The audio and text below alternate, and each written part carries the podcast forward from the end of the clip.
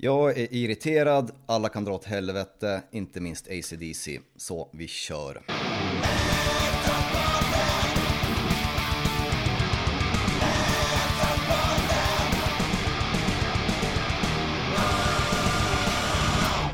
Hej och välkommen till avsnitt 137 av Metalpodden. Jag heter Erik och med mig har jag då som alltid äh, ACDC-hataren Thomas.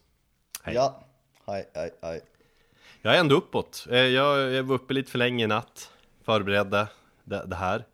Var på G då, ehm, um, vaknade upp lite huvudvärk. Men nu har jag hällt i mig en energidryck.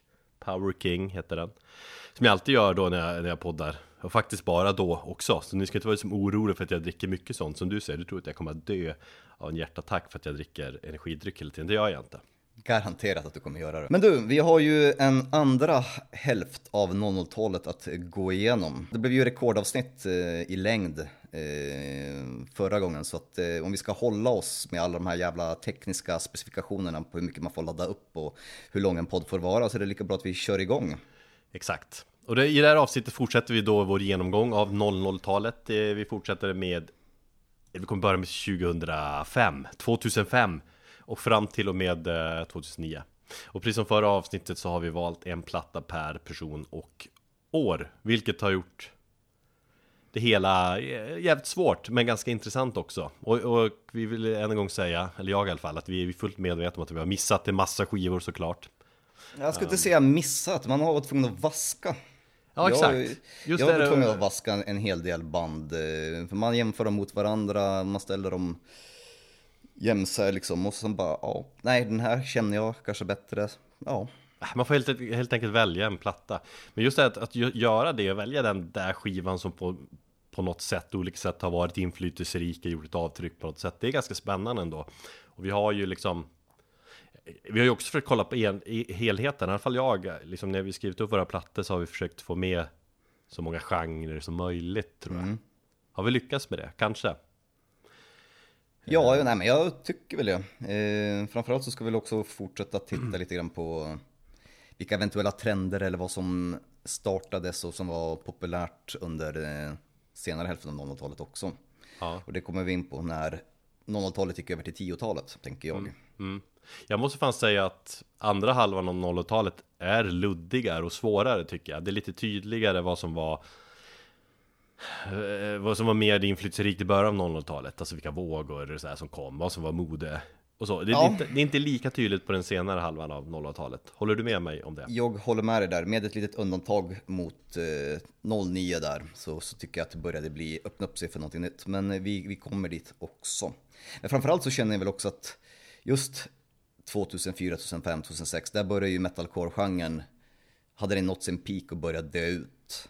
Och sen så känns det som att det var några år, två, tre år där folk eh, jag vet inte, det, det, känns som att musiken var i någon form av så här eh, ingenmansland innan det kom någonting nytt som, som blev trendigt. Så det var liksom, ja. det, det, är ett litet mellanrum där som jag tycker som man inte riktigt, eller det är svårt att definiera vad som kom där. Jag tyckte att postmetallen var ju fortfarande i och för sig ganska stor. Mm.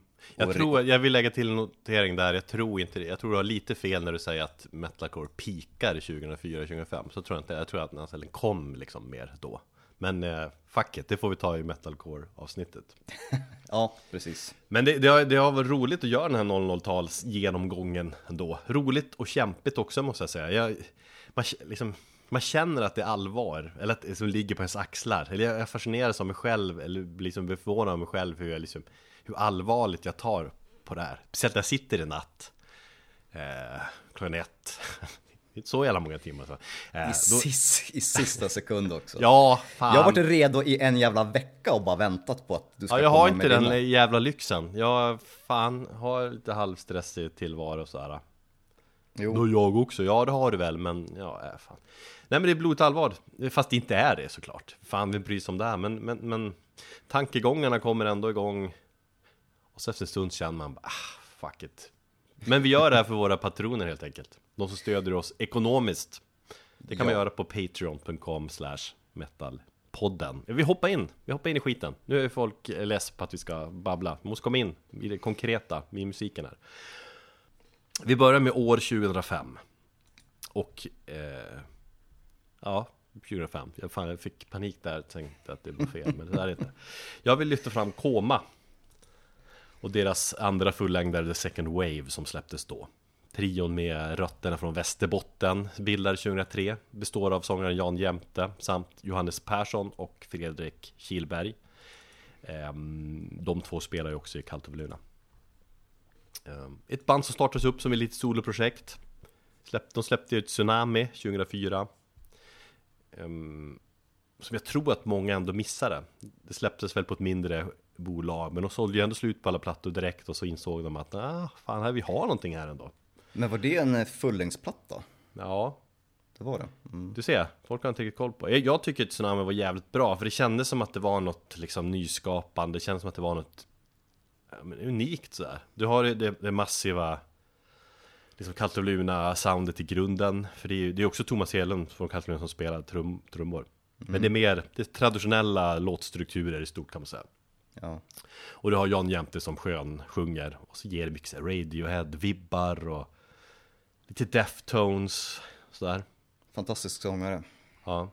Och så sen Roadrunner fattade också att men det, här, det här är ju någonting det här kan ju bli stort så de signade Koma och 2005 släpptes då Second Wave på Roadrunner Och Roadrunner som då typ kändes som det största skivbolaget för metal just då Sen har de kanske gått ner sig men de var Eller? Var det så? Du som har koll på skivbolag Eh, jag skulle säga att Roadrunners eh, peak var väl kanske, den började väl gå ner, någonstans kring 00-talet så kände jag att de var som störst. Eh, mm. De hade ju för sig där, vid 2005 hade de ju fortfarande mm, en hel del bra jo, band. Det det, vi, ja, det är det jag menar. Men just nu idag är de en, en, en skugga av sitt forna jag.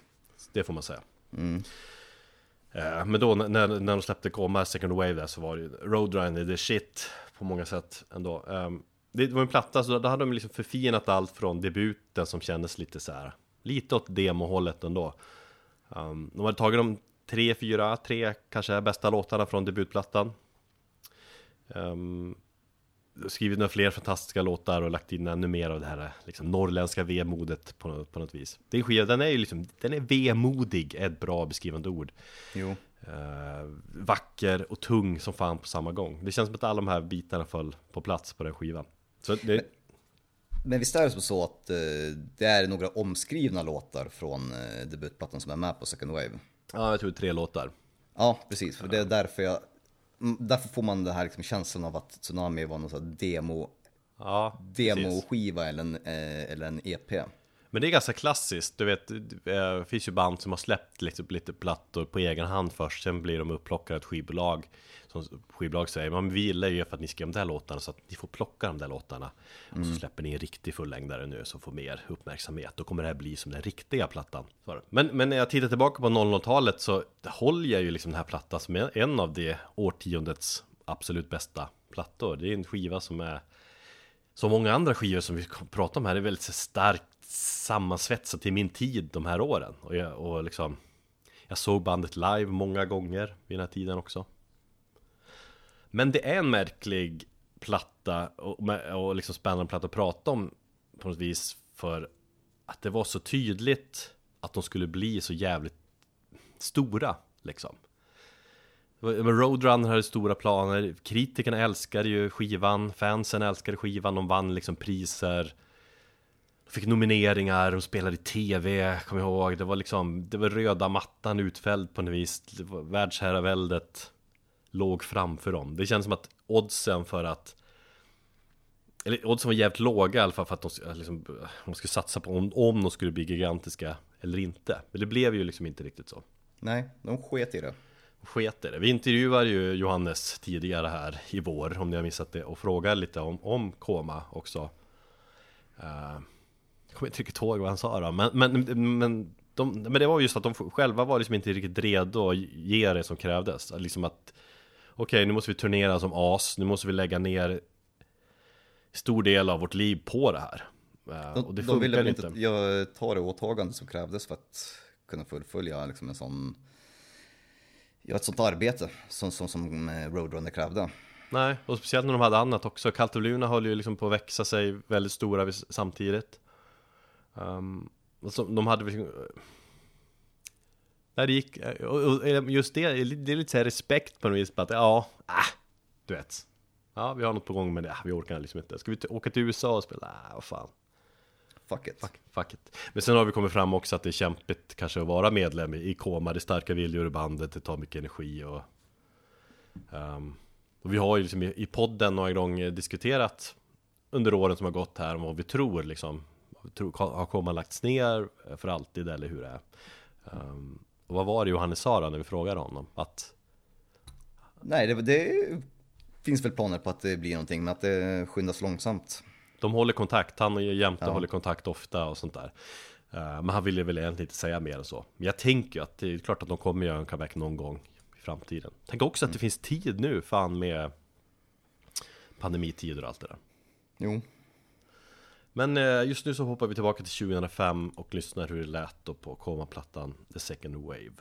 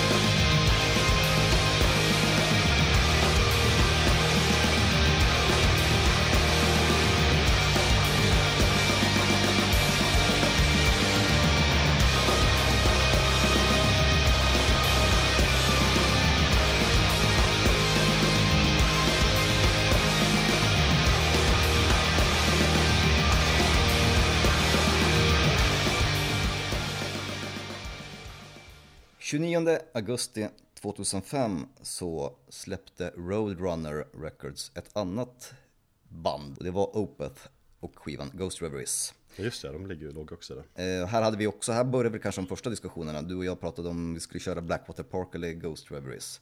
Uh Vi båda håller ju Ghost Reveries högre. Eller hur? Ja, för mig är det liksom den platta som på något vis definierar Opeth bäst.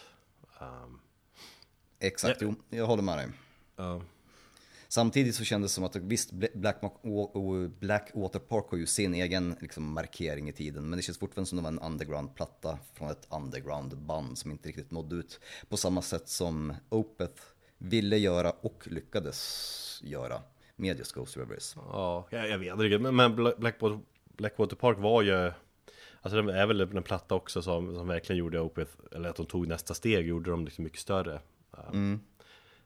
Men det kändes som att på Ghost Reveries så tycker jag att de gick liksom vidare med det varumärket som de skapar på Blackwater Park och, liksom, och expanderar det i liksom ljud och, och influenser och liksom plockar in keyboardist och har inte riktigt varit med tidigare och sånt där.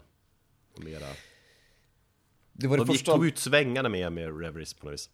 Eh, ja, det kan man väl säga. Eh, det är ju som sagt en instant klassiker eh, redan, redan egentligen när den släpptes.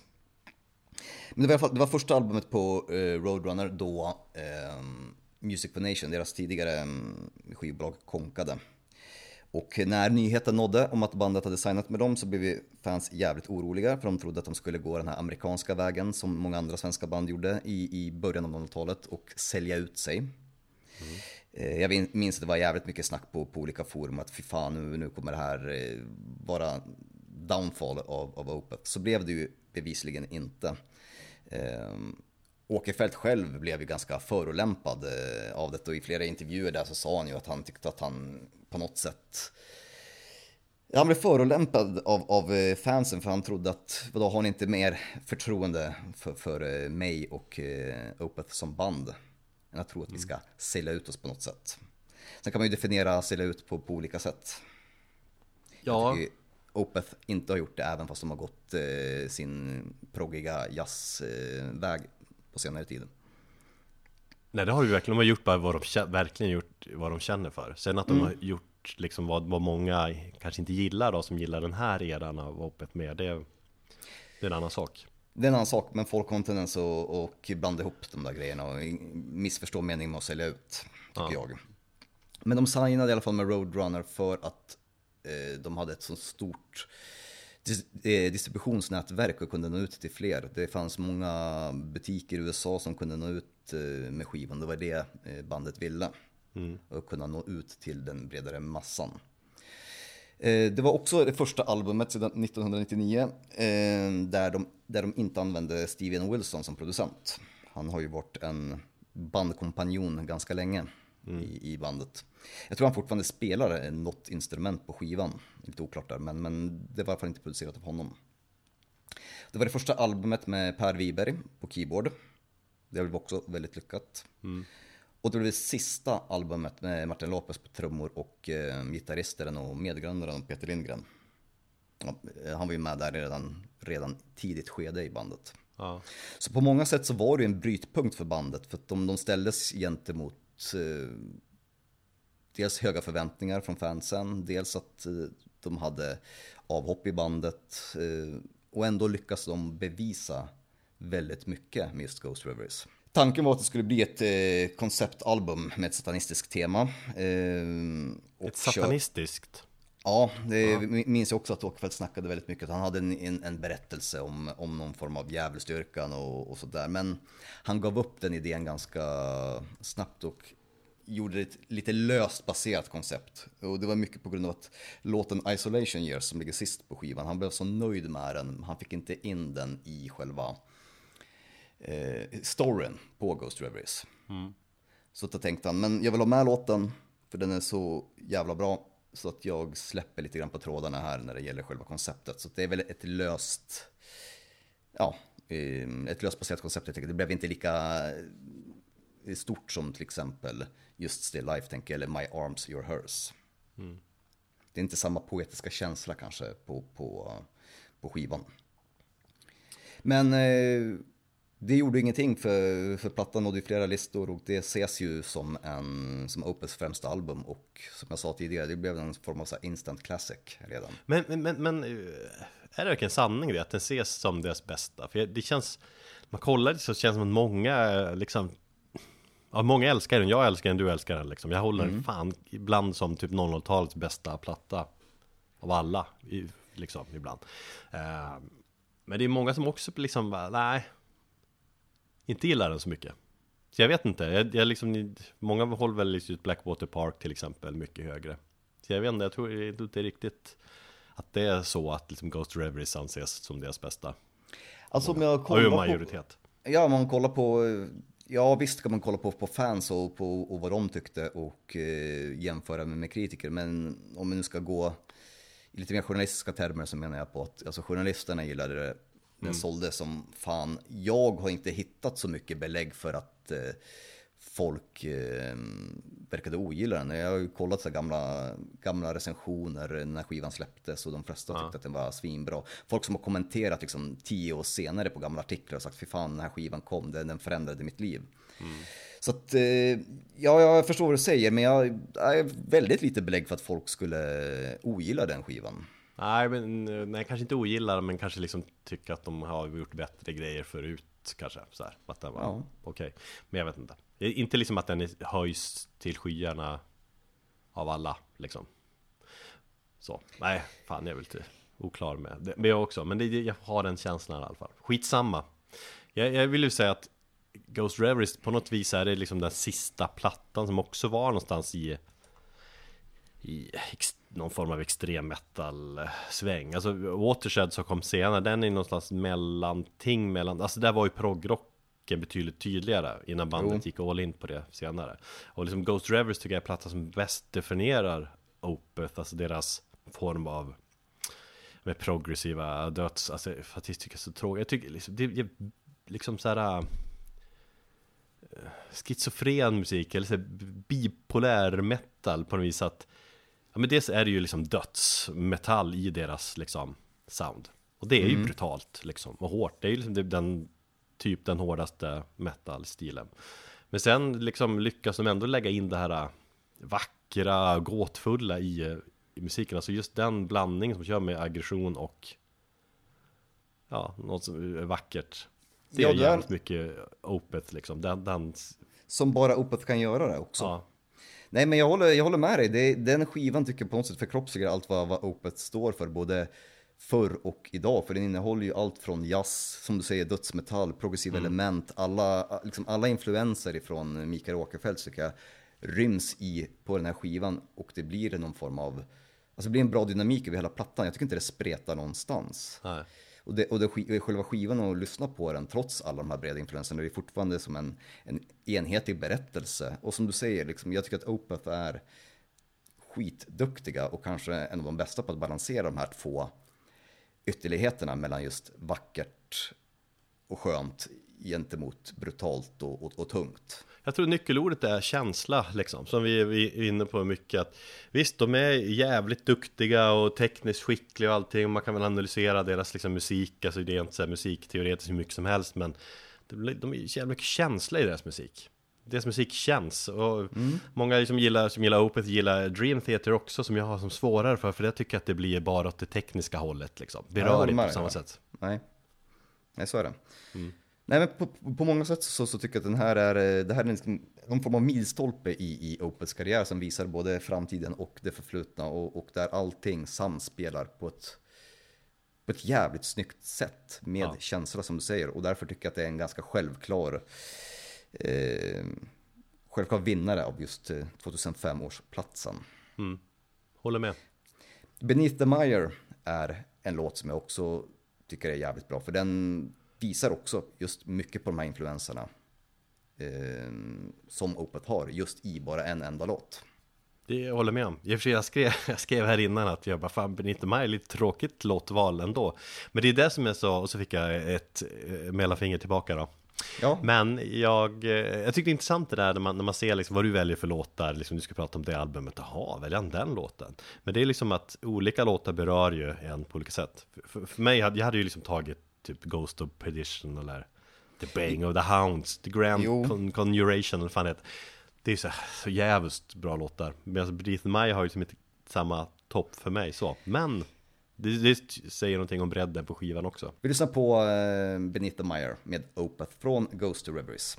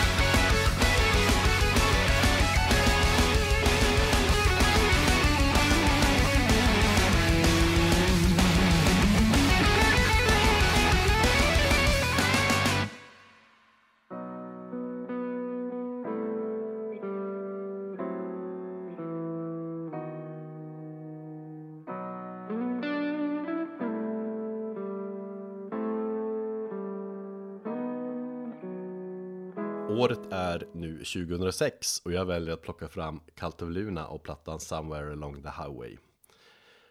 Och nu framstår jag ju som värsta Johannes Persson-fanboyen, när jag pratar. Det är det ju, det gick ju så jävla igång på hans, eh, vad fan heter det, eh, ja, tyngdviktsträning. Ja, men det är en annan sak att gå igång på. Så här, fan, tappa träningen på sistone, nu måste komma igång. Nej men, eh, ja exakt, nu pratar jag om hans band igen. Och, men jag var ju, jag, ja, jag var en fanboy liksom vid den tiden framförallt. Det är fine. Men jag tänker också att det, är, det funkar att prata Kaltaluna direkt efter koma också. Eh, för att få liksom en ökad förståelse på något vis. Mm. Varför de inte la in 100% liksom på koma när de hade just eh, Kaltaluna också. Um, men framförallt har vi väl tagit med Kaltaluna här på vår 00-talslista eftersom den skivan då på något vis få symbolisera post metal-vågen på 00-talet. Mm. Um, I början av förra avsnittet så började vi då med att prata lite trender på 00-talet och nämnde vi då just post metal som en tydlig sådan trend och våg. Um, eller en jävligt tydlig 00-tals metal-genre överhuvudtaget. Och då är det konstigt om vi inte tar upp ett band som tillhör genren, eller hur? Ja, och vi har inte glömt bort Isis eller något annat av de banden, utan det bara föll sig naturligt med Kaltebluna. Alltså Kaltebluna är ju ett band och som Isis som har stått där liksom i framkant för genren på 2000-talet. Uh, varit liksom uh, genrens ledare, ledande, ledande positioner, eller man säger.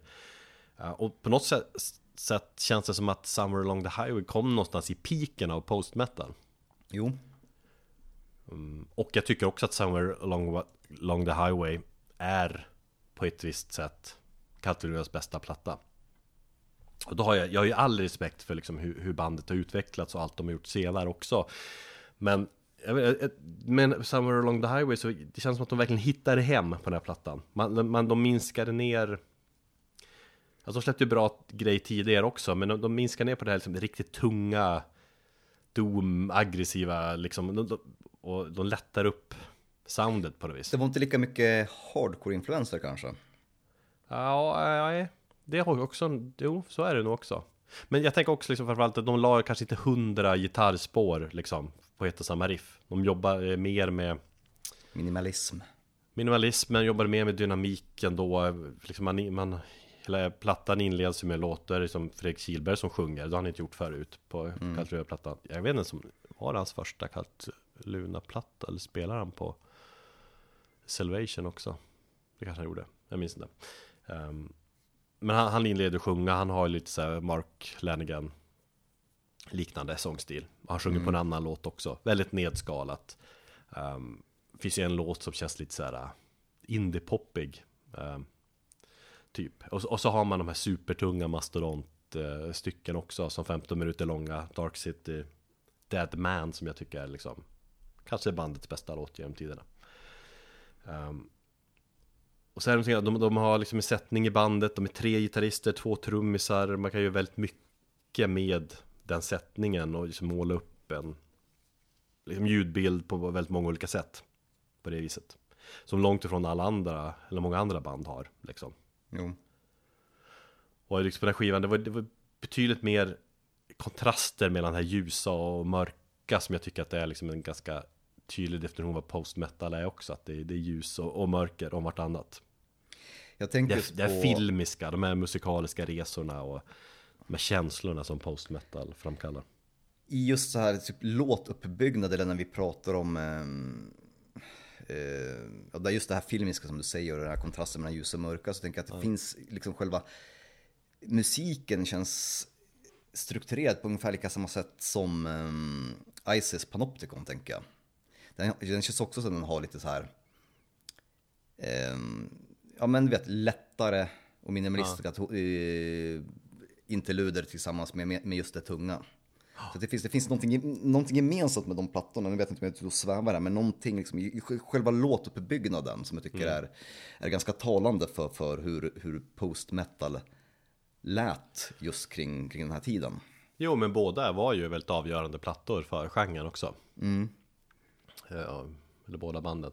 Nej men de jobbar mycket, alltså det är bara allmänt så här känslan man, liksom när man börjar eh, spela ett instrument, ett piano eller liksom gitarr och lär sig skilja dura ackord och mollackord och verkligen hör känslan bara, oj, det där låter glatt och det där låter, fast det där låter dystert liksom.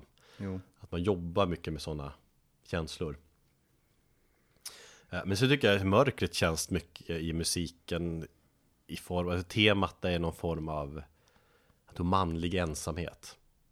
Jag tycker alltid Västerbotten och, och mörkret, vintermörkret, halvåret med, med mörker känns i deras musik. Jag vet hur mycket snackar om de spelar in plattan i en lada någonstans. Just ja. Där uppe ja. Eh, på, på vårvinter typ. Så att man kan höra. De pratar liksom att man hör hur det droppar. Eh, liksom snö som smälter och droppar i bakgrunden. Och så tänker man, ah, tjena att man gör. Men man hör det på något ställe på skivan. Så att då får man verkligen känslan att, att de spelar in i lada och utanför så smälter snön. Alltså riktig vårvinter som man inte får i den här delen av landet, Stockholm. Utan Nej. när det är några meter snö som ska smälta liksom och rinner. Det är vackert. På något Coolt, det visste jag inte. Ja. Och det här var ju också sista plattan som de skrev då jag tror alla bodde i Umeå fortfarande. Så det känns som en mer som en band effort på något vis. Um, och många medlemmar då hade liksom varit med Det var liksom en, en, sättning som fanns på den här skivan som var, var, var med ganska många år. Um, och sen är det ju att de, de själva tycker att det är en viktig platta också. De, menar, de spelar ju hela plattan. De gjorde ju sån här tioårsgrej och spelade hela plattan på Roadburn tio år senare till exempel. Och eh, Johannes gjorde en eh, playthrough som han hatade. Ja, den är sjukt underhållande faktiskt. Ja, den är sjukt rolig. Oavsett om man är intresserad av hur man spelar Dark City Dead Man så är det bara kul att se hur hans, hans ångest när han har liksom satt igång det här. Liksom, det är därför jag tittade på hela den. Ja. Just bara på unga se, jag vill inte vara här. Det här är så jävla tråkigt. Jag kommer aldrig mer göra det här, är typ det sista han säger. Ja. Kul. Ja, det är kul. Då, ja, vi lyssnar ett par minuter på låten Finland.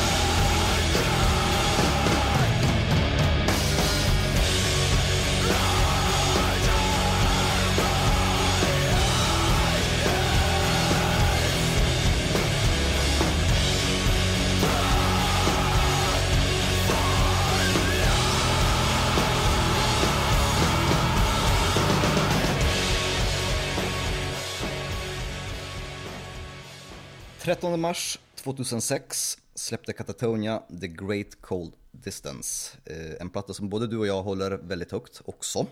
Mm. Eh, kanske också deras högsta i diskografin, eller? Ja, jo, det är min favoritplatta med bandet. Jag, jag kom ju verkligen in i bandet totalt med den här plattan. Jag gillade Viva Emptiness också, men just jo. The Great Cold Distance kom liksom, den pratade med mig på ett helt annat sätt. Jo, jag håller med dig. Det var exakt likadant för mig också. Jag har en förkärlek för Viva Emptiness eh, också, men det var ju den plattan som jag, jag upptäckte bandet med. Mm. Eh, jag försökte hitta lite belägg på hur, mycket den sålde bara för att få mig ett hum om, om hur den gjorde runt om i världen. Det kunde ja. jag inte hitta, men eh, det finns lite andra grejer på skivan som jag tycker är väldigt talande för att just det här är kanske Katatonias bästa platta och varför jag tycker att den, den bör finnas med på en sån här lista som vi gör. Eh, dels är att än idag, vad är det, det är 15 år senare, så hittar jag fortfarande delar på skivan som jag inte har hört förut eller som jag har missat. Mm. Eller som jag inte har uppmärksammat. Eh, och det är kanske en av få, om inte den enda plattan som jag har hört i mitt liv där det faktiskt fallet varit som sådant. Det är liksom intrikata låtstrukturer, det är en form av komplexitet som, som kräver väldigt liksom, noggrant lyssnande, att man är uppmärksam för att höra lite, lite små, små detaljer som, som, som gör låtarna så mycket bättre. oh, den där grejen har jag till exempel inte hört. Det kan vara skitsmå grejer. En liten ja. gitarrgrej eller någonting. Precis, alltså, och, och det, det, går inte att, man kan på sätt vis jämföra med, med Opeth i och med att de är som polare, haft som en liknande karriär. Men Katona gör ju ändå en helt annan grej. Man kan, alltså, när man lyssnar först så kan man liksom tycka att låtarna är ganska det tycks vara ganska enkla med liksom ganska så klassiska låtstrukturer ändå. Exakt. Sen, sen, sen, kommer man liksom in dels i känslan i låten, i mörkret och så just de här små, alltså det är så jävla snygg och modern ljudbild. Mm. Um, och, det, och, det passar väldigt bra in i Katatones sound på något vis, att det är så jävla liksom producerat och snyggt, men just med, med bra lurar också, så just, nu ser man hör de där små, ah, den där lilla gitarrslingan där, liksom. Det blir lite så Pandoras box, att du öppnar den och så bara, jaha vad ser du här? Det är någonting simpelt som bara växer i komplexitet ju mer, ju mer du lyssnar. Ja. Det är lite grann så, den känslan som jag får med den här skivan. Och speciellt om du också då ställer den till exempel gentemot uh, Viva Emptiness som jag på många sätt kanske ser som en fortfarande en väldigt bra skiva men som jag ser som lite enklare och lite mer traditionell hårdrock om man säger så. Mm, ja, kanske. Ja, det, finns, det finns något mer intrikat på, på, the, på The Great Cold Distance. Och det har väldigt mycket med att göra att, eh, jag vet att Jonas och, och Blackheim då pratade väldigt mycket om i intervjuer att de tänkte i form av ventiler. Eh, jag tror till och med jag nämnt det någon gång när vi har pratat om den här skivan tidigare, att de hade någon form av de försökte hitta något utlopp och det var mycket snack om just ordet ventiler på den här skivan. Ja. Renkses sång tycker jag också når eh, nya nivåer jämfört med, med, med, tidigare. Och han har väl jämfört lite grann med eh, The Cures eh, sångare på skivan Disintegration. Jag vet inte om han har haft någon stor inflytande på honom, men jag tror att eh, Renks är ett fan av The Cure också.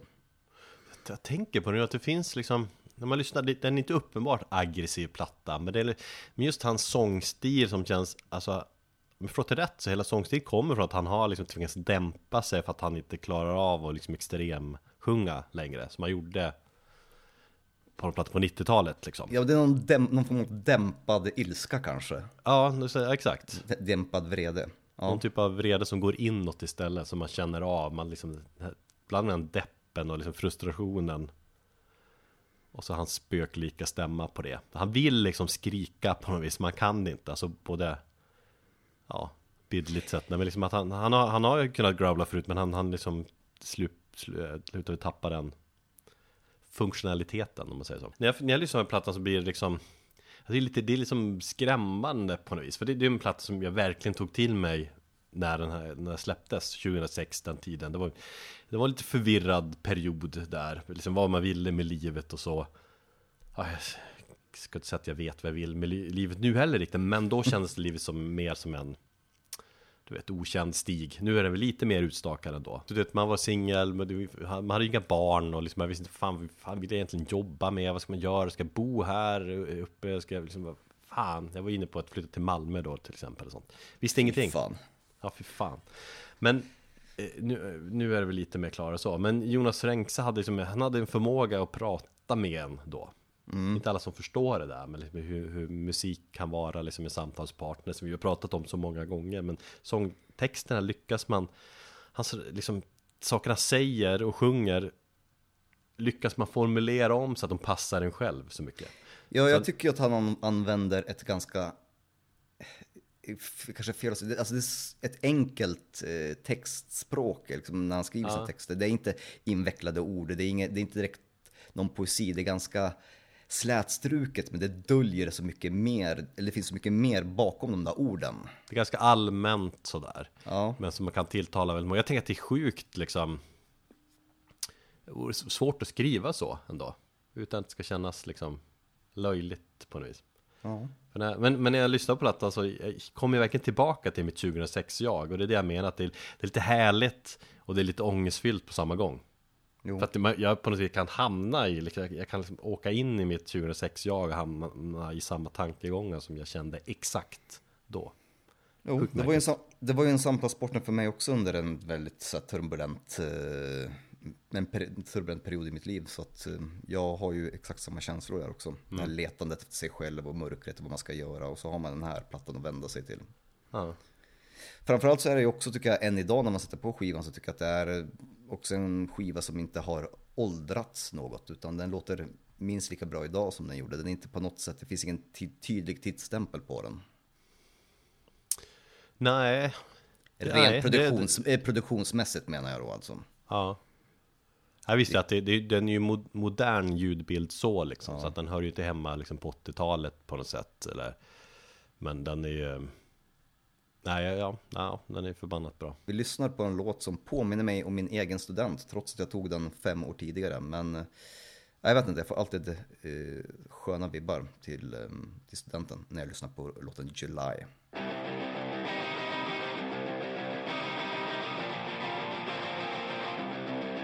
You come clean.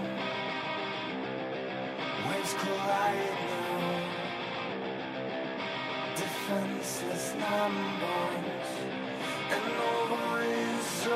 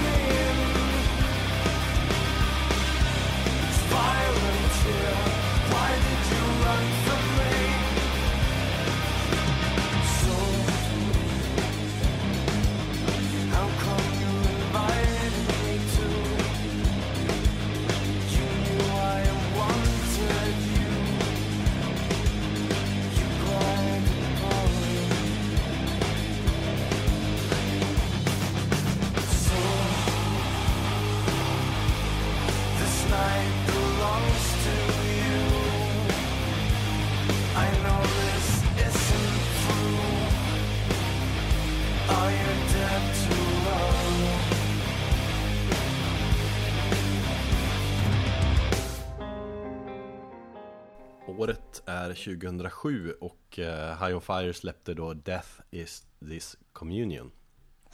Så jävla bra platta.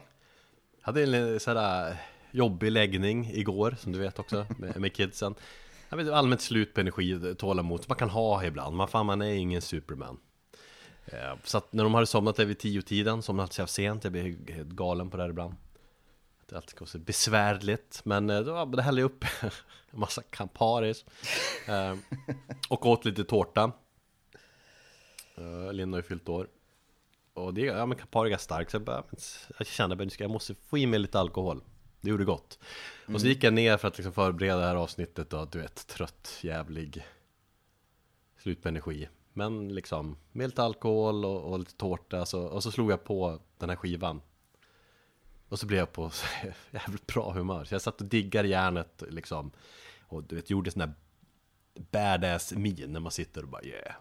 Liksom, egentligen inte riktigt varför jag valde den här plattan så här, i första läget. Det kändes bara givet och på något vis coolt. Jag följde liksom magkänslan på något vis att på 27 då har ju High on Fire släppt. Ja men High on Fire är ju klockren. Så här. Ja men vi, vi, kände, bara... vi kände väl också att vi måste ha med High on Fire på den här listan. Ja, det kändes självklart. Och du brukar ju prata om att man ska följa magkänslan och sådär. Mm. Men det är liksom, varför egentligen? Varför måste man ha med High on Fire? Men det är liksom, man älskar ju High on Fire. Jag upptäckte dem på allvar med tredje plattan, tror jag, Blessed Black Wings. Då insåg jag liksom hur bra de var. Och sen kom ju Death is Communion några år senare, 2007. Um, ehm, Så jag, jag håller nog den här plattan fortfarande som min favoritplatta med det bandet. Samma här, och den enda plattan som jag egentligen lyssnar på när jag får mitt High on Fire-sug. Fan, det finns mycket annat High on Fire också. Men okej, okay. Ja. Vi har varit inne på det förut, men det är ju produktionsgrejen. Jag tycker att produktiongrejen, eller produktionen på den här plattan kommer till sin fulla rätt. Det är smutsigt, det är liksom, det är skit under naglarna, det är rått, det är liksom, ja. det är, det, det är liksom, det är tufft och man känner energin från skivan och det är, har de inte lyckats förmedla framöver. Nej, inte alltid. De har varit lite upp och ner så här. Ja, men det, det är sant. Ljudbilden är lite maffigare på den här plattan jämfört med de tidigare då. Men det, det, är fortfarande rått och primitivt. Och jag tänker att mm. det är väl det jag gillar mest med bandet, att det är liksom, det är som en, det är en motreaktion mot mycket annan metal-låtar. Om man jämför med ett band som Catatonia då liksom. Till exempel. Alltså mycket modern metal 00-tal är välproducerat och liksom, det här är, liksom, det är inte perfekt. Det är rått, Nej. det är äkta, det är som att så här låter när de spelar live liksom. Så här låter när de spelar i en replokal, det är på riktigt. Och det är liksom... Eh, så är någonting om att de, High on Fire är inte lätta att definiera, tycker jag. De, alltså de, de är för snabba för att vara Doom, liksom, även om de har Doom-grejer för sig. Men de är inte, så är det inte tillräckligt aggressivt heller för att vara, att de, de är inte thrash liksom. Nej. Många jämför dem med, med Motorhead. Uppkökat liksom, Motorhead. Ja, och det är nog mycket det som att det är Motörhead-känslan i det här att det är snabb rock och speed liksom. Mm. Men det är, samtidigt är det för sludge för att vara Motörhead också. Och det är, många säger det är stoner, men inte tillräckligt mycket stoner, inte, inte tillräckligt mycket öken liksom i, i riffen på något vis. Så att, jag kommer fram till High de, de har liksom en egen genre på något vis. De är, mm. Det är fascinerande. Stoner Doom är vanligt, men liksom, nah, det blir också fel på något vis. Varför kan inte alla plattor efter eh, Death eh, is this communion låta som den. Det hade gjort det så mycket enklare. Då hade jag inte behövt sitta här och vara sur, eh, sur liksom. Ja, jag tror att det är för att du, ska, du, har, du hakar upp det för mycket på ljudbilden. Nu tycker jag att de ska ha en viss ljudbild. De har ju en rå ljudbild på serieplattor också. Så här.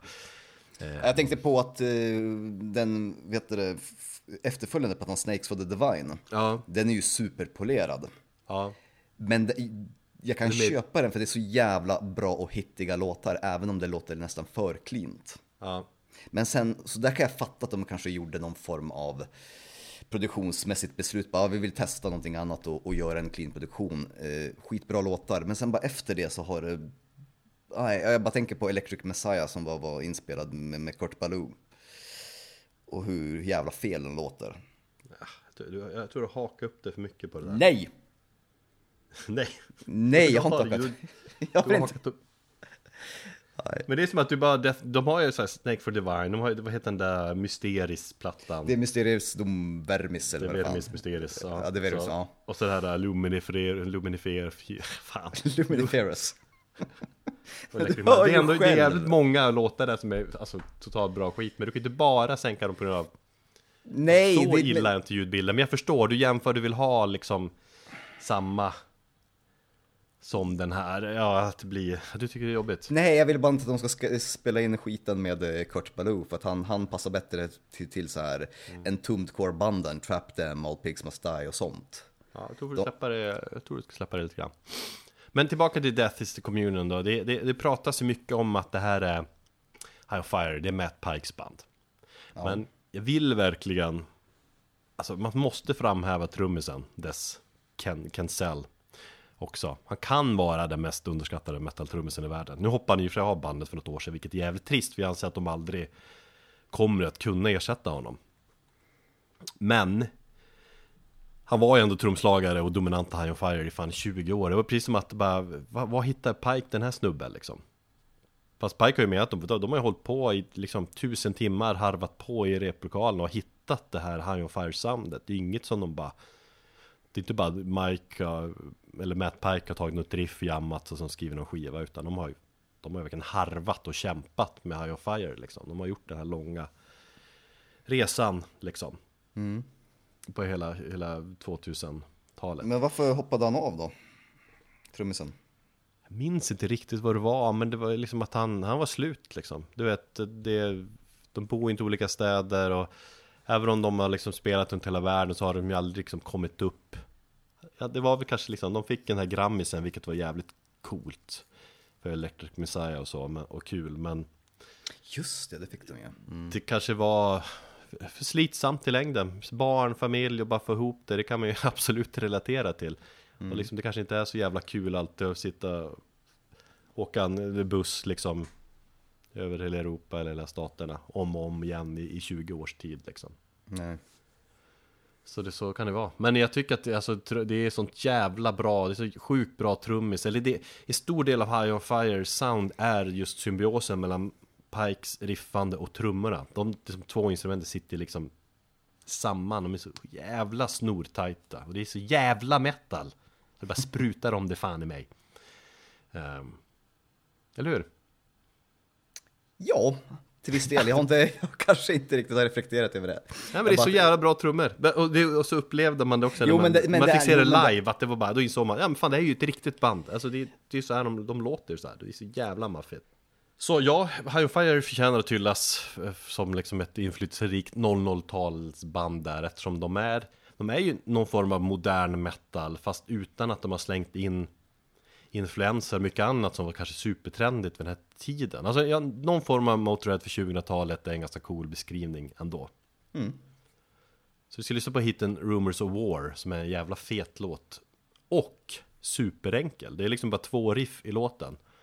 Men det är sånt djuriskt drag och ös så att man, man tänker det liksom inte på hur enkel och kort den är.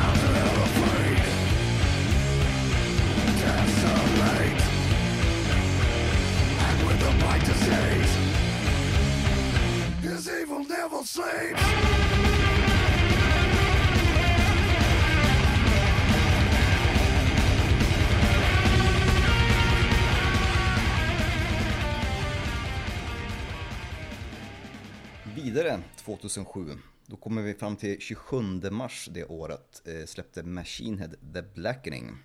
Ja. En platta som jag tycker är utan tvekan en milstolpe under 00-talet. Du var inte riktigt lika benägen att hålla med mig där. Här tjafsar vi som fan.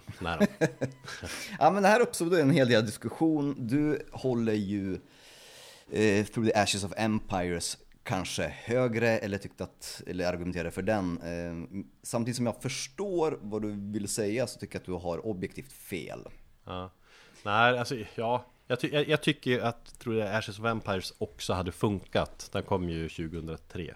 Ja. Um, det var några plattor de här åren som var uppe och diskuterade och slänga hit och dit. Men ja, jag vet inte, jag har nog mycket att säga om The Blackening e-, egentligen. Ja, men jag, jag, har, eh, jag har faktiskt eh, läst en hel del så här retros, eh, retrospektiva, vad heter det, artiklar där man blickar tillbaka 10-15 år på mm. den här skivan. Och eh, kommit fram till faktiskt, det var många som, som hade en och samma poäng liksom, om man läste mellan raderna. Och det har att göra med att man kan argumentera för vad man tycker om den här skivan. Jag vet att det finns folk som, lika mycket som jag hittar folk som älskar den här plattan så, så har jag hittat lika många som hatar den. Om du kollar på Metal Archive så har den ganska låga betyg. Ja.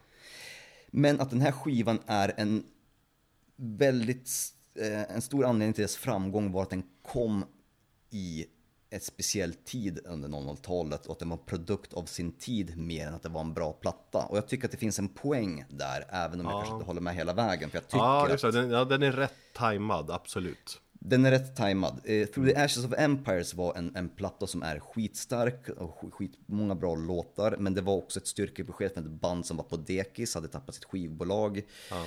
De var ju nära på att splittras, Rob Flynn eh, höll ju på att liksom gå under där, minns jag.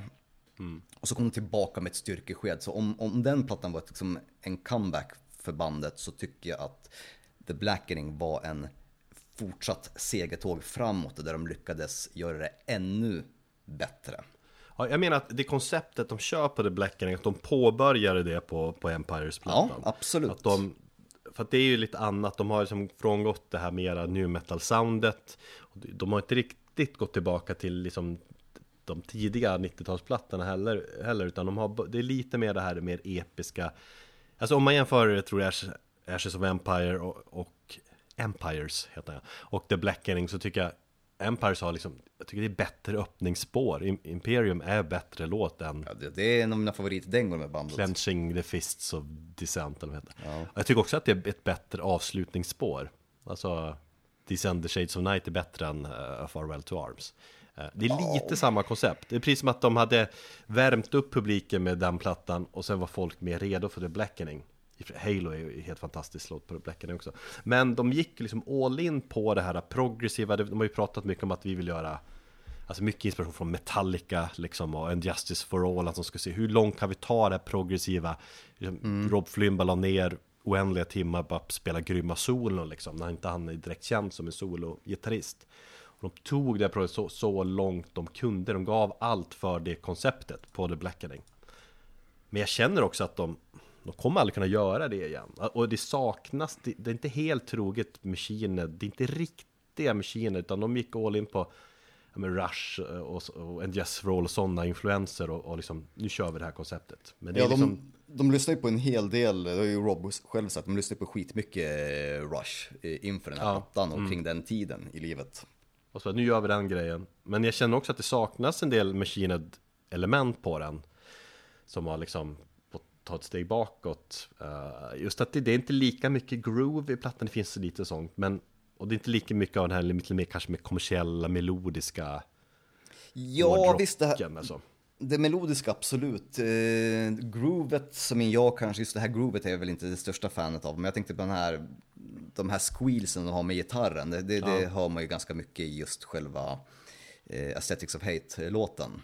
Ja. Där finns det väldigt, just den låten tycker jag är väldigt mycket eh, klassiska maskiner. Sen att de har lagt in lite mer eh, solorunkande och sånt där, visst. Mm. Men det jag menar med att den här plattan träffades rätt i tiden, det är att, och då för att gå tillbaka till den ursprungliga diskussionen här vi hade om metalcore, att den eh, jag vill då hävda att metalcore var på väg neråt någonstans kring 2005-2009. Piken var några år tidigare. Folk var lite, ja de är lite less på, på själva metalcoren. Nu metal hade ju redan dött ut. Det fanns ingen riktig musikalisk trend som pågick mellan kanske 2005-2006, förutom då post metal då. Ehm, och att folk inte riktigt visste var de skulle vända sig när de, eh, när de eh, letade efter musik. Och helt plötsligt slår Machine Head ner med The Blackening som är en platta som fick folk att liksom på något sätt titta tillbaka mot hårdrockens glansdag på 80-talet. Hänger du med? Wow. Det, var, det var ju mycket sånt att det här är, det var ju många fans som bara åh, Machine är tillbaka, det här låter liksom Metallica Justice for All, tänk, det är liksom det klassiska med gitarrsolon, dubbla gitarrer, tvillinggitarrer liksom. Mm. Så det var så mycket, det var inte så mycket kanske att skivan är så pass bra, utan att det var folk fick en nostalgisk faktor ifylld. Eller bara mer aha-upplevelse att metal kan låta så också liksom. Ja, precis. Efter så mycket experimenterande, efter så många jäkla år med, med nu metal och massa ja. skit som släppts. Mm. Så bara, det är så här metal ska låta. Och jag tycker det finns en poäng i det. Men jag tycker ju också att det är stundtals otroligt bra skrivna låtar.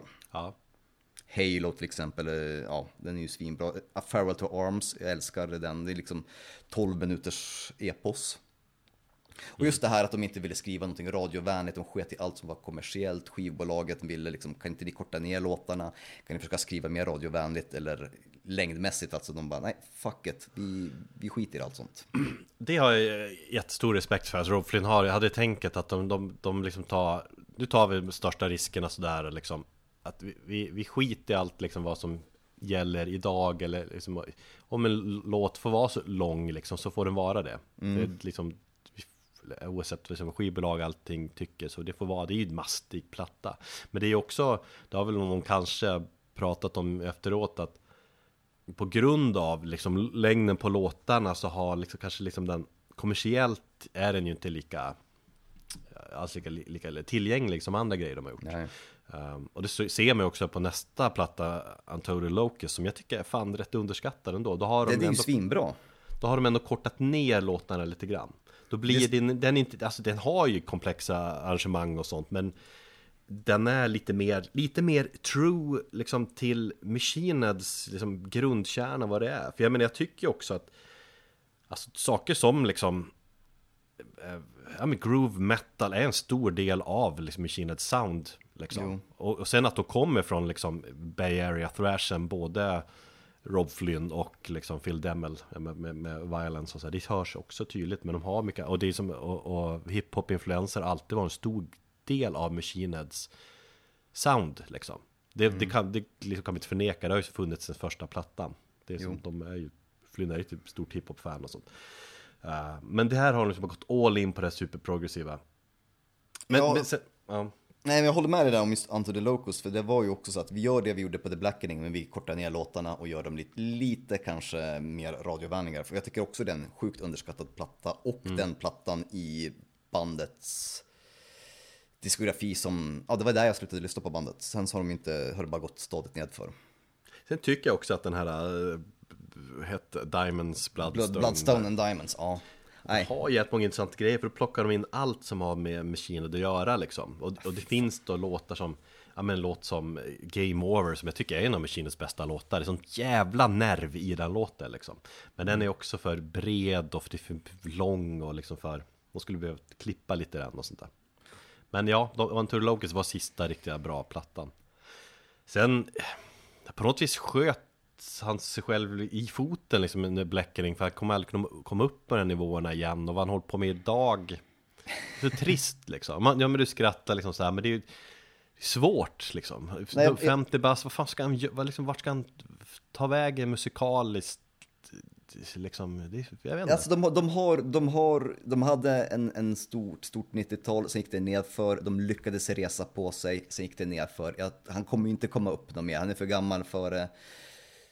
Bandet ja. är ju splittrat, det är ju bara Machine Head, eller det är ju bara Rob Flynn och sen så, ja. Ja, fast samtidigt, alltså den här Burn My Eyes, liksom, turnén de gjorde, som skulle komma till Europa också, liksom.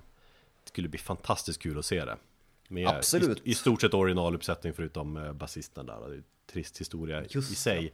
Men mm. liksom så att de, han har, hittar ju sin grej, det är någon form av nostalgi liksom. Men sen att, att, vart han ska ta vägen musikaliskt, det, ja, det kan man ändå köpa. Att det, ja, men vad fan, 25 år in i en karriär är det svårt att liksom släppa någonting som känns nytt och spännande Speciellt den form av musik han spelar där det är väldigt mycket aggressiva liksom moment. Det är svårt att vara 50 plus och liksom hålla på Joe Joe-sjunga som han gör. Mycket på sista Catharsis-plattan där Vissa Middle fingers in the air Ja, exakt Ja, det blir lite töntigt när en 50-plussare skriker det mm. Sen har jag också reflekterat att, att synen på The Blackening handlar lite om vilken generation man kommer ifrån, eller vilken bakgrund man har liksom till Machine Head sen tidigare. Jag vet att många mm. som håller The Blackening som, ja men det är så många med, The Blackening det är liksom Machine Heads peak, det var liksom, det arvet, det är det de kommer komma, bli ihågkommen ifrån. Och jag bara, va? Nej. Liksom Burn My Eyes är ju bandets legacy, vad fan liksom. Fast de har ju som det är spännande karriär på det viset, oavsett vad man tycker om Rod Flynn. Vissa tycker att han är en jävla PK-fitta som vi blir kallad för ibland och sånt där. Mm. Och liksom att han är ute på, han ska diskutera allting och så här. På fan, jag gillar hans, han har ju sin, sin uh, podd också. Så här verkar vara, äh, fan jag gillar Rod Flynn. Men oavsett, alltså, vad man tycker om honom som person så liksom musikaliskt kan man inte förneka att han har en jävligt stor del av uh, metal liksom, på både 90-talet och, och, en, en av de mest viktigaste och mest inflytelserika personerna från 90 och 00-talet vad gäller liksom metal. Alltså mm. fan Burn My Eyes från 94, sån jävla klassiker och så The Blackening liksom. All vi respekt. Kan, vi kan diskutera eh, huruvida vilket eh, album i diskografin som är bäst, men jag tänker att så här när man tittar tillbaka på årtionden, som på samma sätt som till exempel Rain in Blood påverkade 80-talet, eh, Black Sabbaths eh, debutplatta påverkade 70-talet, At the Gates påverkade 90-talet med eh, of the Soul, så tycker jag att när jag tittar tillbaka på 00-talet så är det just The Blackening som är det första som kommer upp. Tycker du ja. Nej, jag Tycker känner jag, inte ja. riktigt samma sak, för jag, jag, blev, jag blev lite less på Machine vid den här eran också. Tänkte, jag också, jag såg dem för fan på två olika kontinenter. Jag tror jag såg fem, eh, fem konserter från den turnén. Ja. Bara. Och jag tycker, jag tycker Blacken, jag tycker, men, så bra är den ju inte liksom sådär. Så att jag kände liksom att det är lite samma koncept som från Empires, men att det. Ja. ja. Du, vi lyssnar på Aesthetics of Hate, eh, en låt som är ett svar till William Grime, en eh, skribent på um, en konservativ tidning som heter Iconoclast som hyllade mordet på Dimebag när han blev skjuten av Nathan Gale. Ett jävla fuck you till honom är det.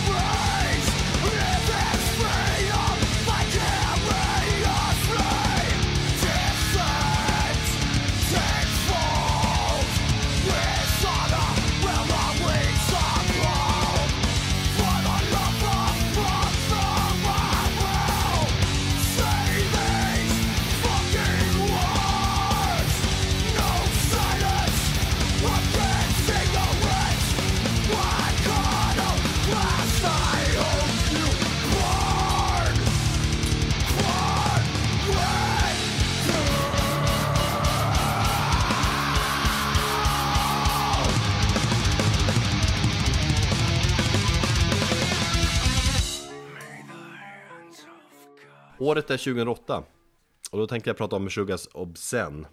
Ett av mina... Ja, Meshuggah det är fan Obscene? Obscene? Obscene? Obscen. Ja, Okej. Tycker jag man säger. Eh, Ett av mina absoluta favoritband är ju Meshuggah. Kanske det bandet som eh, Är bäst i det här landet efter en tom då. Typ kanske, fan vet jag. Men nå- något sånt. Men jag älskar Meshuggah, jag älskar Obscen-plattan. Älskar titeln liksom. För att det är ju ett lek med två ord ob, ob, ob, Obscene och sen Det handlar liksom om, om kopplat till människans onda natur Hur jävla evil vi egentligen är för att koppla tillbaka till Darknet och så. Och vet, vetskapen om det att liksom att Man hittar lugnet i eh, balansen i det här våldet och blodet på något vis Eller något sånt där. Obscen, fattar du? Det är så jävla obscent hela den här mäns mänskligheten och hur brutalt det är liksom egentligen. Jag hänger med. Det är vackert och det matchar musiken på, på ett strålande sätt.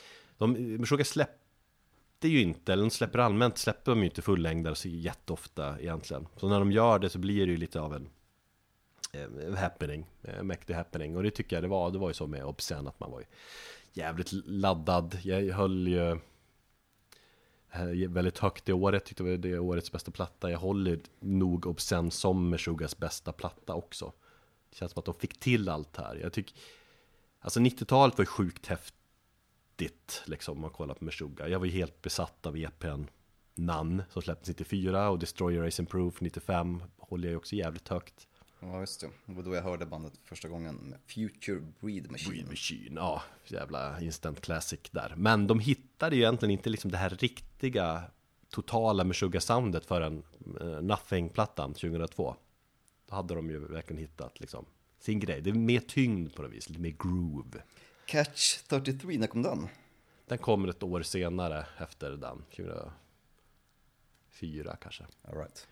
2005. Uh, 90-tals Meshuggah, det var liksom någon form av thrash Meshuggah. Man kan liksom tydligt höra den här 80-tals thrashen i deras grejer på 90-talet. Och så efter liksom Nothing, då, då, då var det lite mer sitt e eget, om man nu ska säga gent sound då. Men sen spårar de ju lite grann, du vet eh, den här Catch 33 eh, där och EPen I också. Som bestod av en 20 minuter lång låt. Och ingen av dem, varken Catch eh, 33 eller I kunde de ju spela live. Det var liksom Jag tycker Catch 33 är ganska kul att lyssna på, mest som av fascineras hur jävla, ja det är ju en enda jävla låt, på CDn så var de, de är ju tvungna att dela upp det i spår.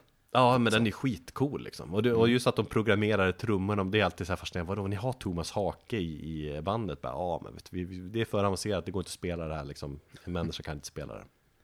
Så man tänkte liksom, okay, hur långt ut i rymden ska de egentligen kunna åka? Men så kom Obscen 2009 och så åkte de ner lite grann för landning igen.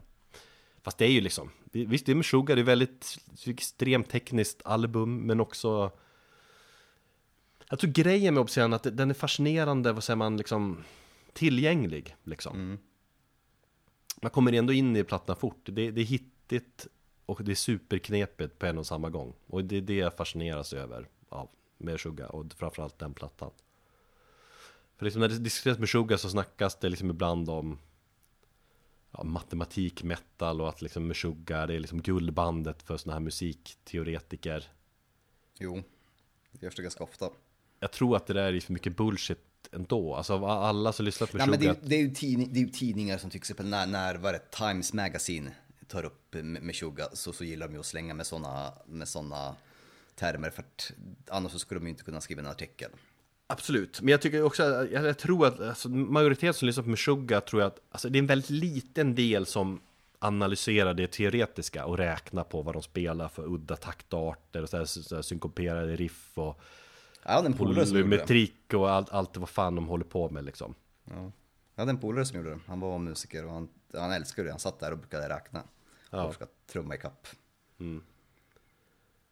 Eh, Men liksom att utmana gränser för vad man, vad man kan göra i, med, i musik och med rytmer Det är ju något som den, den progressiva rockscenen har ju på med att länge det, det som är unikt då med Meshuggah är att Att det är så många vanliga metalfans som gillar bandet det, alltså, De är mer extrema progressiva utsvängbanden liksom De kanske inte har så stor publik Men det har ju Meshuggah Eh, Och det sitter väl ihop just att de är samt liksom dels att de kör det här avancerade så är de ju fortfarande jävligt metal eh, och tunga och att folk lockas av den sidan också.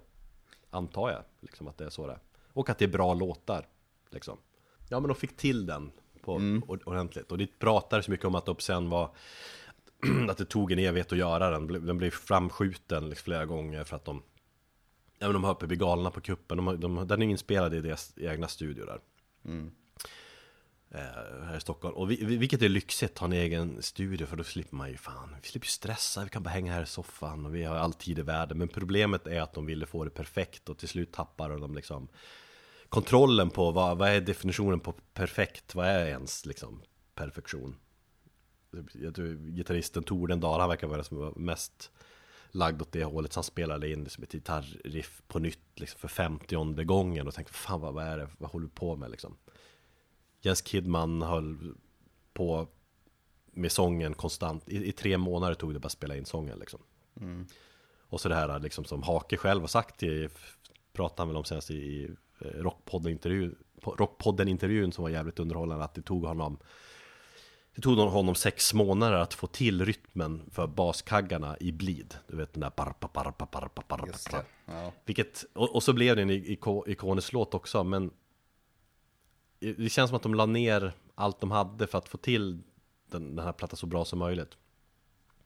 Men det känns också som att de aldrig kommer att spela in på det, det sättet igen för att undvika liksom, att bli galna på det viset. Så att det känns som att jag tror de inte aldrig kommer komma upp i peak. Det är piken liksom i deras karriär.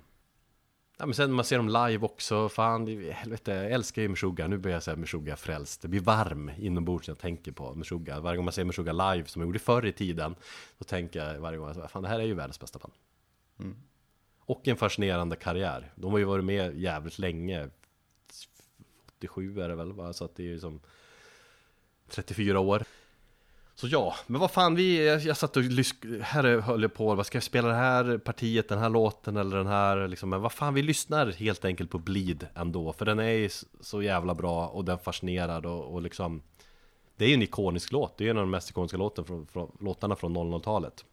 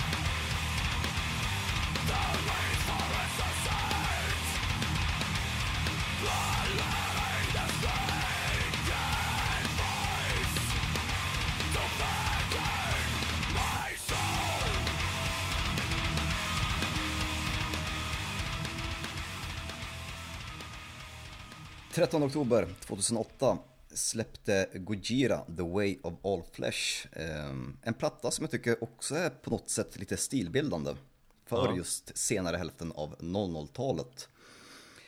Jag tycker det är svårt att eh, sätta någon så här tydlig stämpel på eh, bandet. Men det är väl här någonstans också uppkomsten av de här Elephant Marching Riffs eh, tillkom också. Som vi har pratat om, vi hade till och med ett avsnitt av det. Jag tycker att Gojira är väl kanske mästarna på just den typen av ja, trumbit tillsammans med eh, riff. Jag tycker det är jävligt spännande att du har med Gojira, det kändes rätt Men jag är jävligt nyfiken på vad du tycker om dem egentligen Jag uh. gillar inte dem idag Men jag gillar The Way of All Flesh som fan. För att när den kom så slog den ner som en jävla bomb i mitt liv. Ehm, just på grund av produktionen som var så jävla tydlig, kristallklar. Det var en stor sonisk palett liksom. Ja. Och som var, på något sätt också visade lite grann att metal kan fortfarande utvecklas i en ja. tid där, där mycket redan hade gjorts. Så kommer Gojira med en platta som låter så jävla skruvad och futuristiskt men ändå tidstypisk och ändå klassisk. För jag menar, du har ju dels galenskapen från till exempel Strapping Young Lad. Mm. Och du har den här tydliga dödsinfluenserna från typ eh, Morbid Angel-riffen liksom. Så jag tycker den här balansgången mellan modernt eh, och futuristiskt och gammalt och, och retro liksom funkar så jävla bra på den här plattan. Och jag tycker inte de har överträffat sig själva sedan dess. De svävade väldigt väl iväg på det här. Jag vet inte, den senaste plattan som släpptes förra veckan, den ska väl vara ganska tråkig vad jag förstått. Jag, ehm, jag lyssnar för lite på den. Jag, jag går igång sjukt mycket på vissa, vissa gitarrgrejer. Jag la upp någonting på våra händelser där du är jävligt aktiv nu för tiden. Det är bra. Sociala medier, Thomas. Eh, men jag är oklart vad jag egentligen tycker om låtarna. Men jag gillar ju för den här plattan med bruna omslaget med franska titeln eh, mest. Ja, just det. Den, ja, ja. ja.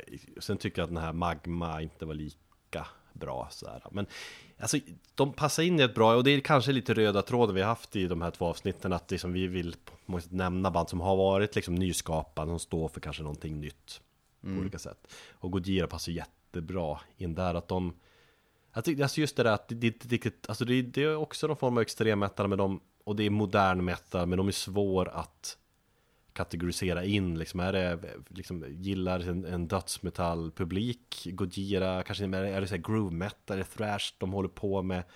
Liksom, det finns det, allt.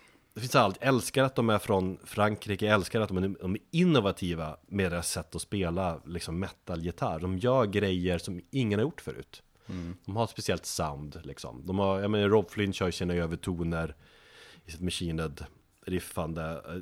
Och Gojira kör sina Alltså så här upstrokes, de drar över alla strängarna liksom. Exakt, man, ja. då, då, vet man exakt. Och det är tungt, och brutalt och tekniskt och komplext och det är melodiöst. Alltså jag älskar deras sound. Jag, jag förstår liksom tanken att de, de hyllas liksom för att de är innovativa och de, många tror ju liksom att, ja, men, många, snack, många snackar om dem som nya Metallica och sånt där. Att de kommer, det här är liksom, du vet, man, vilka, vilka band ska ta över det här, arena stora och sådär. Och jag har sett dem live tycker jag de är de ju helt fascinerande, liksom brutalt bra. Men jag har liksom aldrig riktigt fastnat för dem. Jag, de har aldrig liksom riktigt, de har inte kommit in i hjärtat på mig så. Nej, det är, det är den här plattan, det är den här plattan som, som, som kom in i hjärtat på mig. Men, men jag har också sett dem Det är så live. länge sedan, vad fan det är ju fan 11, 12, 13 år sedan, kan jag inte räkna. Eller hur? Jo, men dels så tog de ju någon form av lite mer kanske lättare approach framöver. Eller, eh, som du säger med Magma och sånt där, där de kanske gick några andra vägar. Det var någon platta som spelade in i USA också vill jag minnas. Som också blev kanske lite mer med kommersiellt tänk, inget fel i det, men, men jag tyckte inte att det här massiva och de här, som du säger, de här jävla gitarrerna de drar på alla strängar, det är det jag vill ha med Gojira. Det var ju det som jag full pladask för. Jo, men de kan inte hålla på så all evighet också, så att all nej, respekt att de nej, förnyar sig för, och liksom gör nya, men jag har aldrig riktigt, jag jag gillar ju liksom den här och jag gillar den här Elefant, ah, fan, kan jag inte franska? Jag kommer inte Ja, Lefont Savage eller vad fan. Ja. Eh, men det känns som att de har inte riktigt kom, lyckats komma upp till den där nivån som liksom folk har förhoppning om att de ska Där de ska vara på något vis Det håller jag också med om. Jag har sett dem live och tyvärr så tycker jag inte att de har levererat sådär jättemycket. Det varit, eh, jag såg dem för senast var väl på Stockholm Fields 2014 där och då spelade de mitt på dagen i duggregn. Ah, spelar de där? Ja. Så då, då jag skippade Slayer. Ja. Slayer, äh! Vet, det var hur? till och med mm. före, före Ghost. Jag vet, Ghost gjorde också ganska kastspelning, men det hade väl mycket om att göra med att de spelade typ klockan ett på dagen liksom. Största scenen och så här, ja. Nej, jag såg Nej. dem ju på, jag såg dem i Gävle, eh, och då var det ju liksom Jag bara tittar runt, bara, förstår ni hur bra det här bandet är? Mm. Liksom. De här kommer bli jävligt stora Och de är väl det, men eh, The Way of All Flesh var i alla fall plattan som lyfte bandet till de stora massorna och som du säger, det var mycket tal om att det skulle bli nästa stora era band. Sen kan man diskutera om det har blivit så eller inte. Jag tycker inte det, för jag tycker inte de har överträffat det. Det var ändå deras fjärde album i karriären, så de hade liksom tre plattor och det var ju fanns en underground-bass kring bandet tidigare. Jo, jo, men då har de kommit ur eh, undergrounden liksom, och så har de... Nej, exakt, de kan ju fortfarande, alltså det beror på hur de sköter sina kort framöver också. Men eh, det sitter mycket nu nog i den här plattan som precis har släppt, men jag vet inte. Lika massivt kommer det aldrig bli som på The Way of Flesh. Eh, vi lyssnar på låten Adoration for None med Randy Blight på gästsång.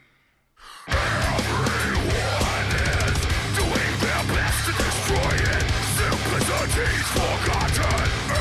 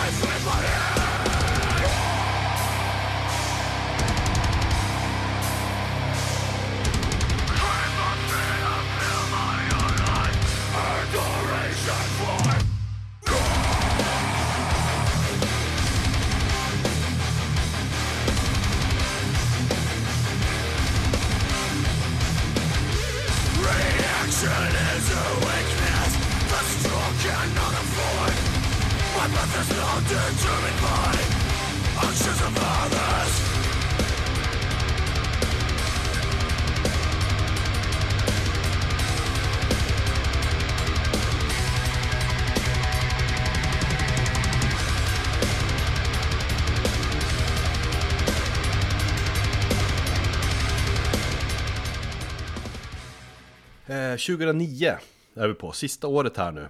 Eh, på 00-talet. Om jag liksom kämpade med att hitta rätt platta för 2003, förra avsnittet, så är det ju 2009 som har varit en riktig motherfucker den här gången. Det är liksom så för dig också väl? Ja, jag, nej, jag hade.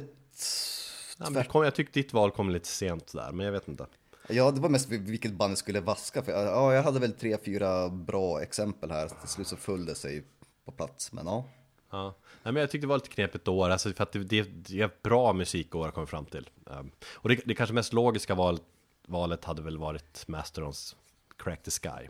Mm. Uh, den plattan är väl kanske lite som Machine Heads Blackening i, i att liksom Mastodon blev verkligen skitstora med Crack the Sky turnerar massa och så här känns det som. Men här i Metalpodden har vi hårda regler och eftersom vi pratar om Mastodon 2004 så kan vi inte då snacka Crack the Sky 2009.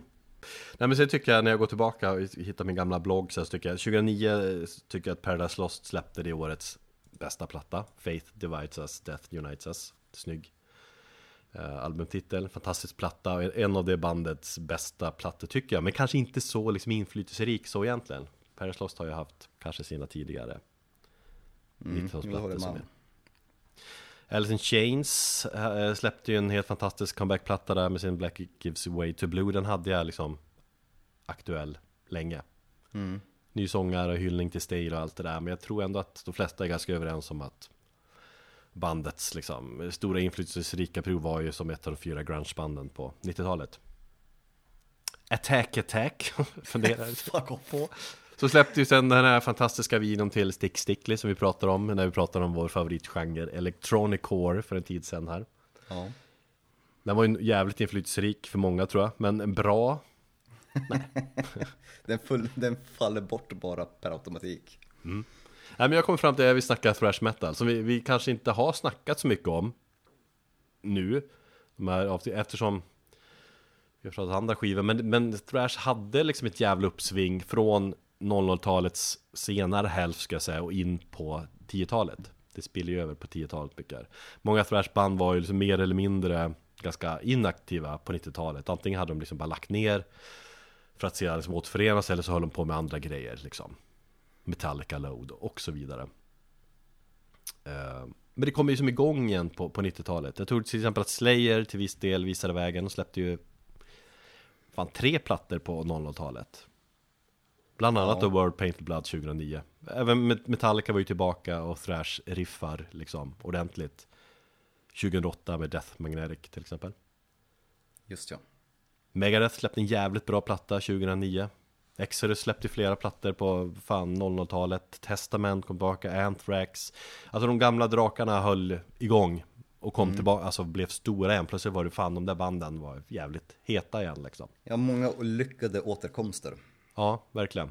Men så kom ju också liksom i kölvattnet massa nya thrashband Man brukar prata om en ny våg av thrash där Ny våg av thrash liksom I mm. samband med det.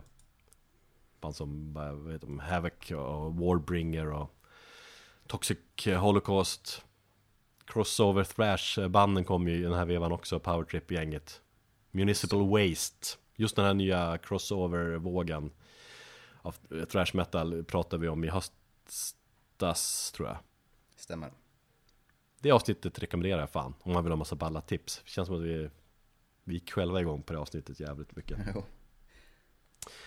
Eh, så jag vill liksom lyfta fram Thrashens comeback eller vad man säger. Och då väljer jag att göra det med Vector och deras fullängdsdebut Black Future som släpptes 2009 Eftersom jag tycker att Vector är ett av de absolut bästa nya Thrash-banden som kom runt den här tiden. Jag vet, alltså Många band i den här vågen höll ju också på med någon form av Old school variant av Thrash liksom Mm. Det, man ville låta så mycket 80-tal som möjligt. Sen fanns det ju band som var lite mer nyskapande, som hade lite mer eget sound. Och jag tycker att Vector är, är bästa exemplet på det egentligen. Alltså, eh, de bjuder dels på lite, rätt invecklade liksom, arrangemang av låtar och samtidigt är det ändå brutala och hårda thrash-riff. Riktigt bra riff. Så att det funkar både ändå för de som bara vill headbanga järnet liksom.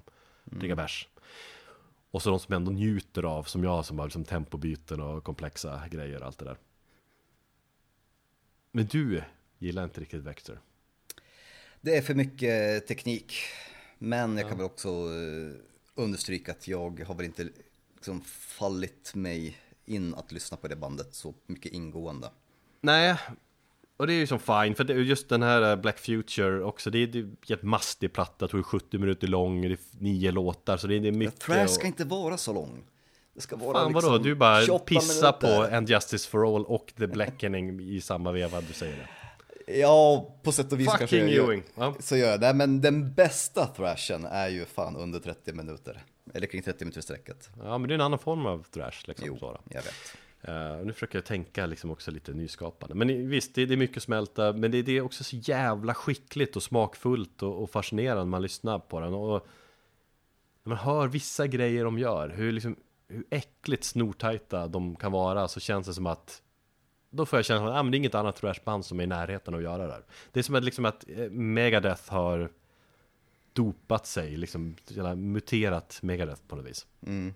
Sen är det ju fortfarande underground och någon form av extrem thrash det de gör, så det kanske inte är för alla.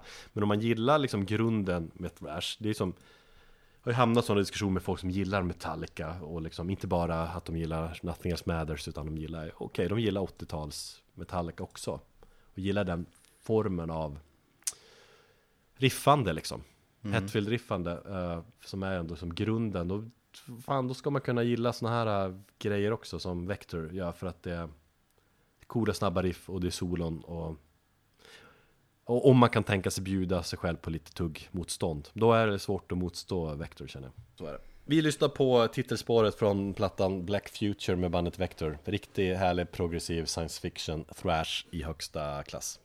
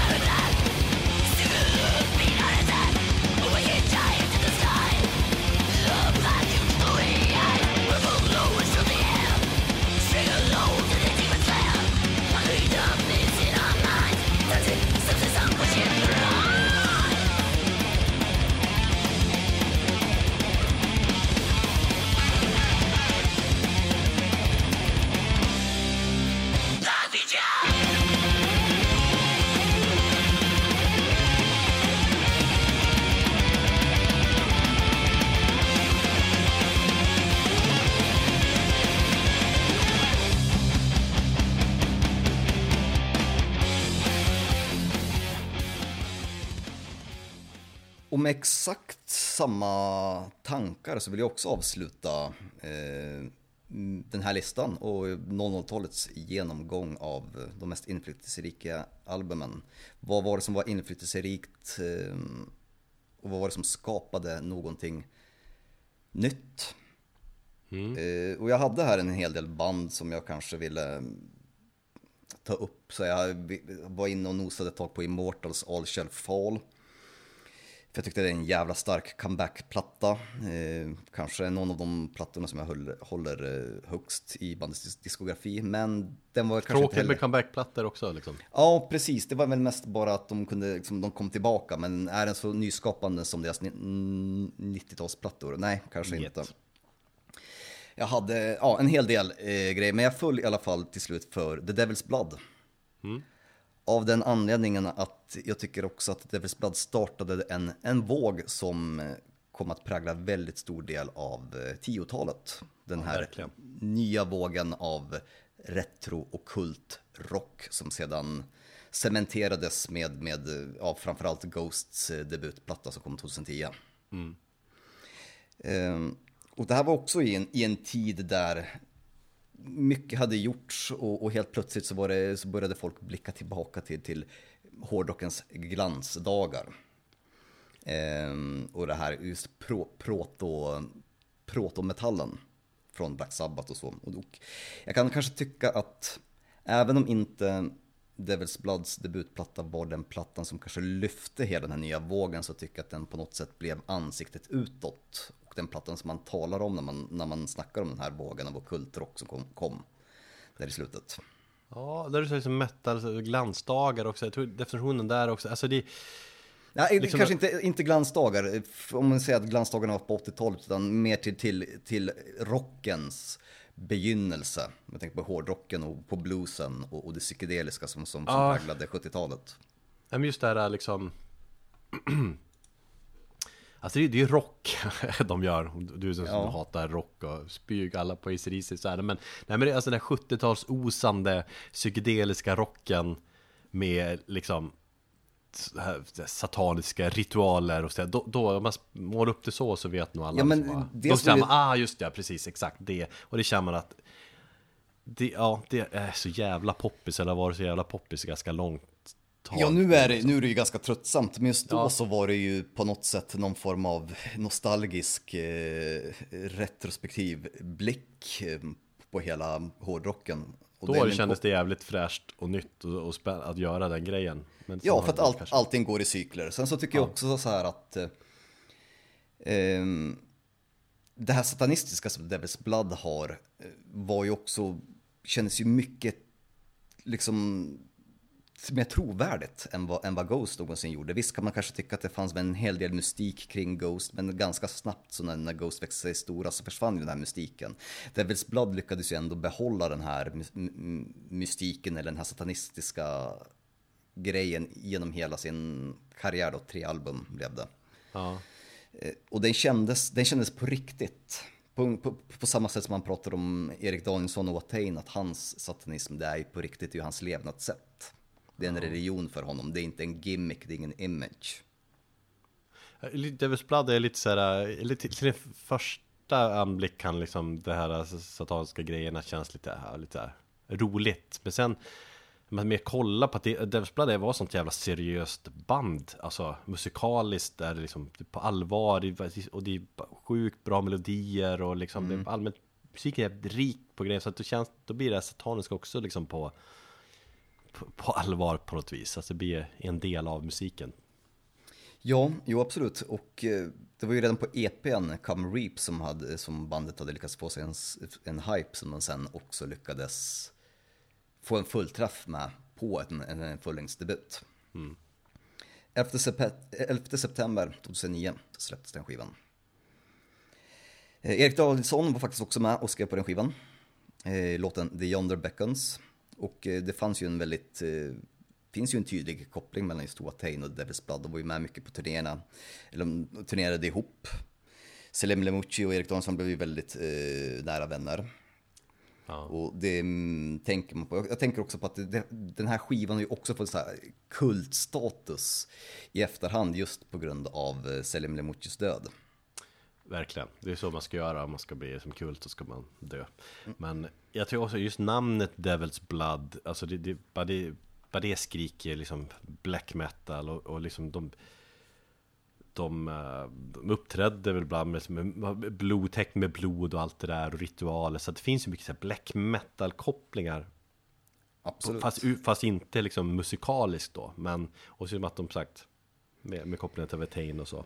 Jag tänker det, det, det lockar många också. Att de, de lyckas locka ändå jävligt, väldigt bred målgrupp på något sätt. Med att de flörtar med så mycket Samtidigt grejer. så hade den ju ingen kommersiell eh, succé Nej. på det sättet. Det var ju fortfarande, det känns fortfarande väldigt underground. Men att de hade det här, alltså det var både komplext eh, skriven musik, men det var catchy. Det var modernt, men det fanns retro-vibbar. Det var psycho och, och, och prog-influenser och, och, och, allt möjligt. Men ändå att de lyckades göra det till en egen helhet och göra den fräsch igen.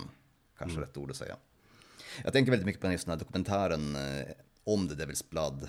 Eh, och hur de pratar om Selim Lemuchis och hur han pratade om sitt liv och, och, och sin egen död. Mm. Eh, och, och, när de just intervjuar Erik Danielsson och man ser honom, liksom, när han pratar om sin vän då, de stod varandra väldigt nära. Och hur han liksom på riktigt försöker hålla tillbaka gråten när han pratar om honom. Mm. Och mycket de betyder för varandra och sådär. Så, så det, det, man känner så att det, det fanns någon det fanns någonting allvarligt i Devil's Blood, någonting som var på riktigt, som kanske inte finns i så många band som bara hoppar på tåget och kör nu ska vi spela ockultrock. Ja, ja, precis. Så på, på det sättet så tycker jag att den här plattan är ett bra sätt att avsluta 00-talet och visa även vad 10-talet tog sin början. Så om 11 år så kan vi fortsätta här. Visst, det, är, alltså det, var ju, det var ändå så pass kul och massigt att göra det här så att man känner ju att här, man vill göra det här med 10-talet också men jag tror vi väntar lite grann med det. Det gör vi. Med argumentet att måste jag ha sagt. Man måste avvakta innan man ser helheten så att säga. Bra Thomas! Fan, jag, när jag, jag kollade på klockan, eller hur mycket tid för en stund sedan, då hade det bara gått en timme, tänkte jag fan det här blir kort. Och nu har det gått betydligt längre, så det blir fan upp mot två timmar ändå. Eh, vilket är härligt. Om man ja, gillar att höra röster och sådär. Så kan det vara. Så kan man slappna av nu och ta helg. Eh, vi lyssnar på Christ or Cocaine eh, från The Time of No Time Evermore. Som en ormarbetad version av den eh, låten som de hade på demon. Vill, vill, vissa kanske säger att eh, versionen på demon var bäst. Det får ni själva avgöra. Det säger man ofta. Ja. Det säger man ofta. Ja, jag blev sugen på att lyssna på den här plattan nu också. Jag ska, ska ner till affären, som man säger, och köpa lite ingredienser för kvällens drink. Vi har börjat dricka sprit på fredagar, jag och in. Jag ska göra en Bloody Mary ikväll. Jag tror om det? Passar jävligt bra, känns också till Devil's, Devil's Blood. Glöm inte kokainet. Det är inte en ingrediens man har i en Bloody Mary. Kanske i och för sig någon variant av det, men... Du får kolla på Darknet om det finns något cocaine där. Jag styr upp det, och en rysk ja. ubåt. Yes, och lite barn. Nu kommer det Devils Blood ta hand om er.